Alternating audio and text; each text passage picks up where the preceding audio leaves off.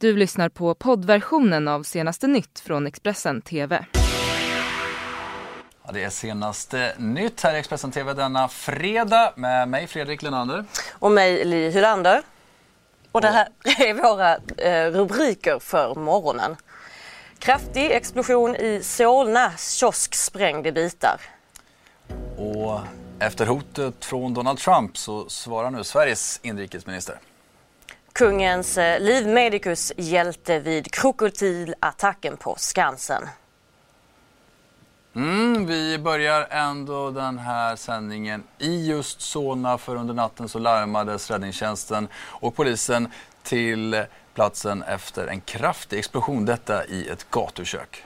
Branden den är nu släckt men enligt polisen så kommer de hålla en del gator stängda här under dagen. Räddningstjänst och polis larmades under natten till fredagen till Solna efter en kraftig explosion i ett gatukök. Enligt polisen fick de in många larm från människor som hört den kraftiga smällen vid halv två på natten. Vittnen på platsen berättade att byggnaden helt jämnats med marken, vilket man också kan se på bilder. Även byggnader runt omkring har kommit till skada i samband med händelsen. Det finns fortfarande inga uppgifter om några skadade. Branden är nu släckt, men polisen kommer hålla en del gator stängda under dagen. Anledningen till explosionen är ännu okänd och polisen har inlett en förundersökning om allmänfarlig ödeläggelse. Fortsätter sändningen i Stockholm där det under gårdagen greps en framgångsrik VD misstänkt för att ha mördat en kvinna i en lägenhet i centrala delarna av staden. Larmet kom in vid 13-tiden då grannar ska ha hört bråk och höga skrik från eh, lägenheten. Enligt TT så såg vittnen hur en kniv kastades ur ett fönster men ändå så kom polisen inte dit förrän två och en halv timme senare. Mm, det är Stockholmspolisen som nu också har anmält sig själva för tjänstefel. En framgångsrik direktör som driver ett företag som drar in mångmiljonbelopp varje år och som har fått företaget att blomstra under hans ledning. Nu sitter han anhållen, på sannolika skäl misstänkt för mord. Det, det, vi vet är att när polisen kommer dit vid 12-tiden ungefär, vid lunchtid, så hittar man en avliden kvinna på platsen. Och man kan se på den här kvinnan då enligt uppgifter att hon har blivit eh, bragd om livet genom att hon har blivit knivhuggen. Det var onsdagen den 21 augusti som Stockholmspolisen fick in ett larm. Enligt TT såg vittnen hur en kniv kastades ut genom ett fönster. Men det hann gå två och en halv timme innan polisen skulle komma till platsen. Något som gjort att de anmälde sig själva för tjänstefel. För väl på plats hittade de en död kvinna. Den framgångsrika direktören var blodig och greps som misstänkt. På innergården hittade man det misstänkta mordvapnet, en kniv. Direktören och mordoffret kände varandra har kammaråklagare Kristina Voigt berättat. Det är inte två främlingar som har råkat på varandra här utan det finns någon sorts relation mellan den här mannen och den kvinnan. Den anhållne företagsledaren har varit direktör för ett framgångsrikt företag i flera år. Bolaget gör affärer med profilerade företag och toppnamn inom det svenska näringslivet. Direktören själv har inte gått lottlös. Han har under de senaste åren återkommande noterats för miljoninkomster. Mm, och så ska vi vidare till södra Sverige. Ett rökfyllt eh, SAS-plan fick sent på torsdagskvällen nödlanda på Sturup flygplats utanför Malmö. Vi pratade med en av passagerarna på planet som eh, berättade mer om den här nödlandningen. It was like emergency landing, what can I say?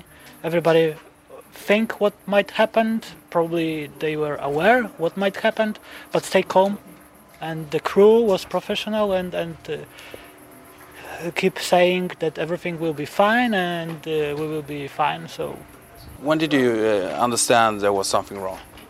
Uh, most of us probably when we saw that we landed in uh, Malmo instead of uh, Warsaw, which was destination. So yeah, I, I think that uh, many of us uh, just understand that maybe a bit before when the crew uh, ask us to fist the belt and uh, don't go to toilet and, and stay in our position.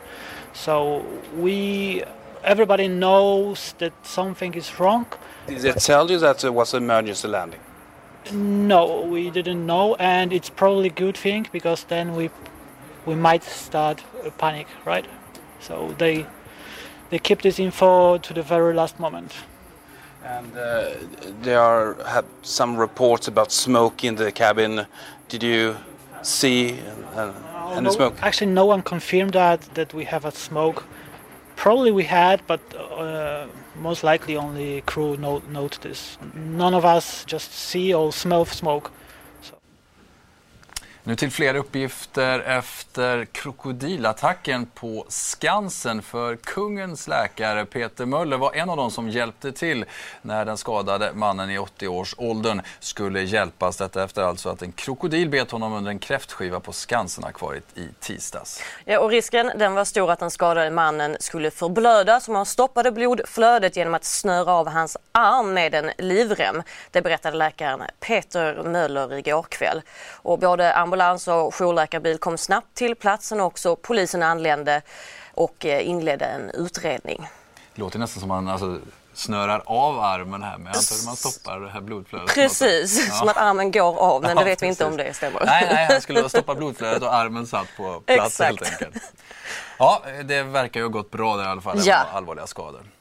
Eh, vi byter ämne helt för nu ska vi till ett larm om en dieselläcka under gårdagen. Det handlar om att räddningstjänsten då kallades till eh, Mälardalen om då en stor dieselläcka på minst 100 gånger 200 meter i hamnen vid Lögarängen i Västerås. Ja, och VLT var på plats och följde arbetet och vi har tagit del av deras bilder. Samtidigt så hör vi Fredrik Granat vid räddningstjänsten som berättar om vad det var som hände.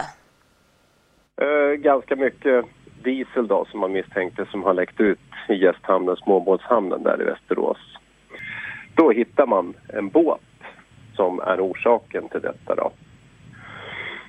Så att eh, räddning håller på, lägger läns för att skydda allting inåt ja, land då, så att inte det här ska nå land och framförallt också då försöka fånga upp det givetvis då.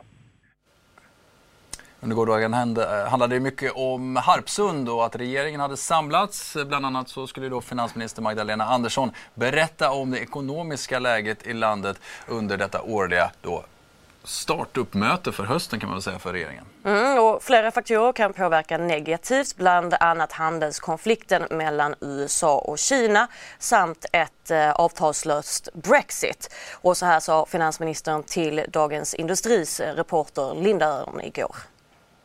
Ja, vår bedömning är att det är en väl avvägd politik. Det är en i stort sett neutral finanspolitik. Och vi går in i en avmattningsfas men det är ändå fortfarande så att resursutnyttjandet i ekonomin är högre än normalt. Och Finansdepartementet men också andra bedömare menar ju att under prognosperioden de kommande åren så kommer vi fortsatt ha mer tryck i ekonomin än normalt. Och då är vår bedömning att en neutral finanspolitik är väl avvägt. Men samtidigt är det så att om några av de risker vi ser, en avtalslös Brexit eller hand, ökad handelskonflikt i, i världen skulle göra att vi får en betydligt sämre utveckling än, än vad vi bedömer, ja då är det naturligtvis, finns det möjligheter att eh, komma med ytterligare politiska åtgärder. Och det är precis därför som det har varit så viktigt viktigt för mig att ha ordning och reda i statsfinanserna, betala av på statsskulden så att vi står rustade för alla eventualiteter. Mm. Fortsätter utrikes där USAs president Donald Trump än en gång då har hotat med att släppa fängslade IS-terrorister, bland annat då till Sverige och andra europeiska länder. Och Sveriges inrikesminister Mikael Damberg har svarat på den amerikanska presidentens utspel och säger till Svenska Dagbladet att eh, Sverige då inte har någon skyldighet att hämta hem de svenskar som rest ner för att kriga för Islamiska staten. Ja, och hur många svenska medborgare som just nu sitter fängslade av amerikanska styrkor i Syrien det är ännu oklart.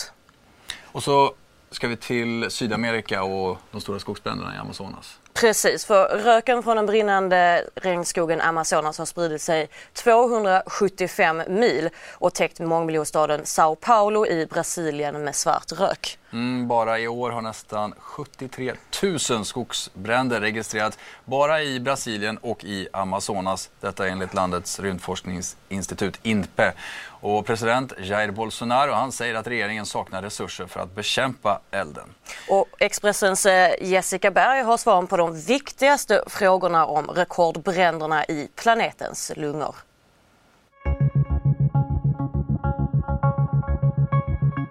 Bränder under den här torra perioden i Amazonas är vanligt förekommande. Siffror som Greenpeace hänvisar till nu visar dock på en ökning på 145 procent från januari till augusti jämfört med samma period förra året.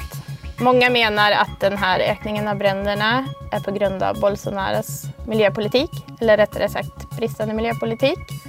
Han vill stärka landets ekonomi och som en del i det vill han öka jordbruket. Att bränna skog för att göra plats för djur och jordbruk är en ganska vanlig metod i Amazonas. Bränderna har ökat drastiskt efter presidentens tillträde just för att man pratar om mindre övervakning, lättare regler och mindre risk för att bötfällas. New York Magazine rapporterade igår om att en ny brand startar varje minut. President Bolsonaro har beskyllt miljöorganisationer för att ha anlagt bränder och nu har både klimatforskare och miljöorganisationer svarat på utspelet och menar att det är ett sätt för presidenten att säga ifrån sig allt ansvar för landets miljösituation och miljöpolitik. Tidigare miljöministrar i Brasilien har varnat för presidentens syn på regnskogen. Han kallas klimatskeptiker och har även hotat med att dra sig ur Parisavtalet. Från att tidigare ha lagrat stora mängder kol så visade forskning redan 2015 att Amazonas tar upp allt mindre kol i atmosfären jämfört med nivåer från 1900-talet. Detta beror bland annat på skogsskövling och att växtligheten har saktats ned. Enligt en rapport som kom förra året, Amazon Tipping Point, eh, så menar forskarna att om en fjärdedel av Amazonas försvinner så skapas långa perioder av torka och i längden också ett område som mer liknar savann. Det beror bland annat på att Amazonas producerar ungefär hälften av sitt eget regn. Mm, det där var sändningen från Senaste Nytt. Vi fortsätter alltid att leverera nyheter på Expressen TV. Du har lyssnat på poddversionen av Senaste Nytt från Expressen TV. Till förordnad ansvarig utgivare är Klas Granström. Poddtips från Podplay. I podden Något Kaiko garanterar östgötarna Brutti och jag, Davva, dig en stor dos skratt. Där följer jag pladask för köttätandet igen. Man är lite som en jävla vampyr. Man har fått lite blodsmak och då måste man ha mer. Udda spaningar, fängslande anekdoter och en och annan arg rant. Jag måste ha mitt kaffe på morgonen för annars är jag ingen trevlig människa. Då är du ingen trevlig människa, punkt. Något Kaiko, hör du på Podplay. Därför arkadeinerna.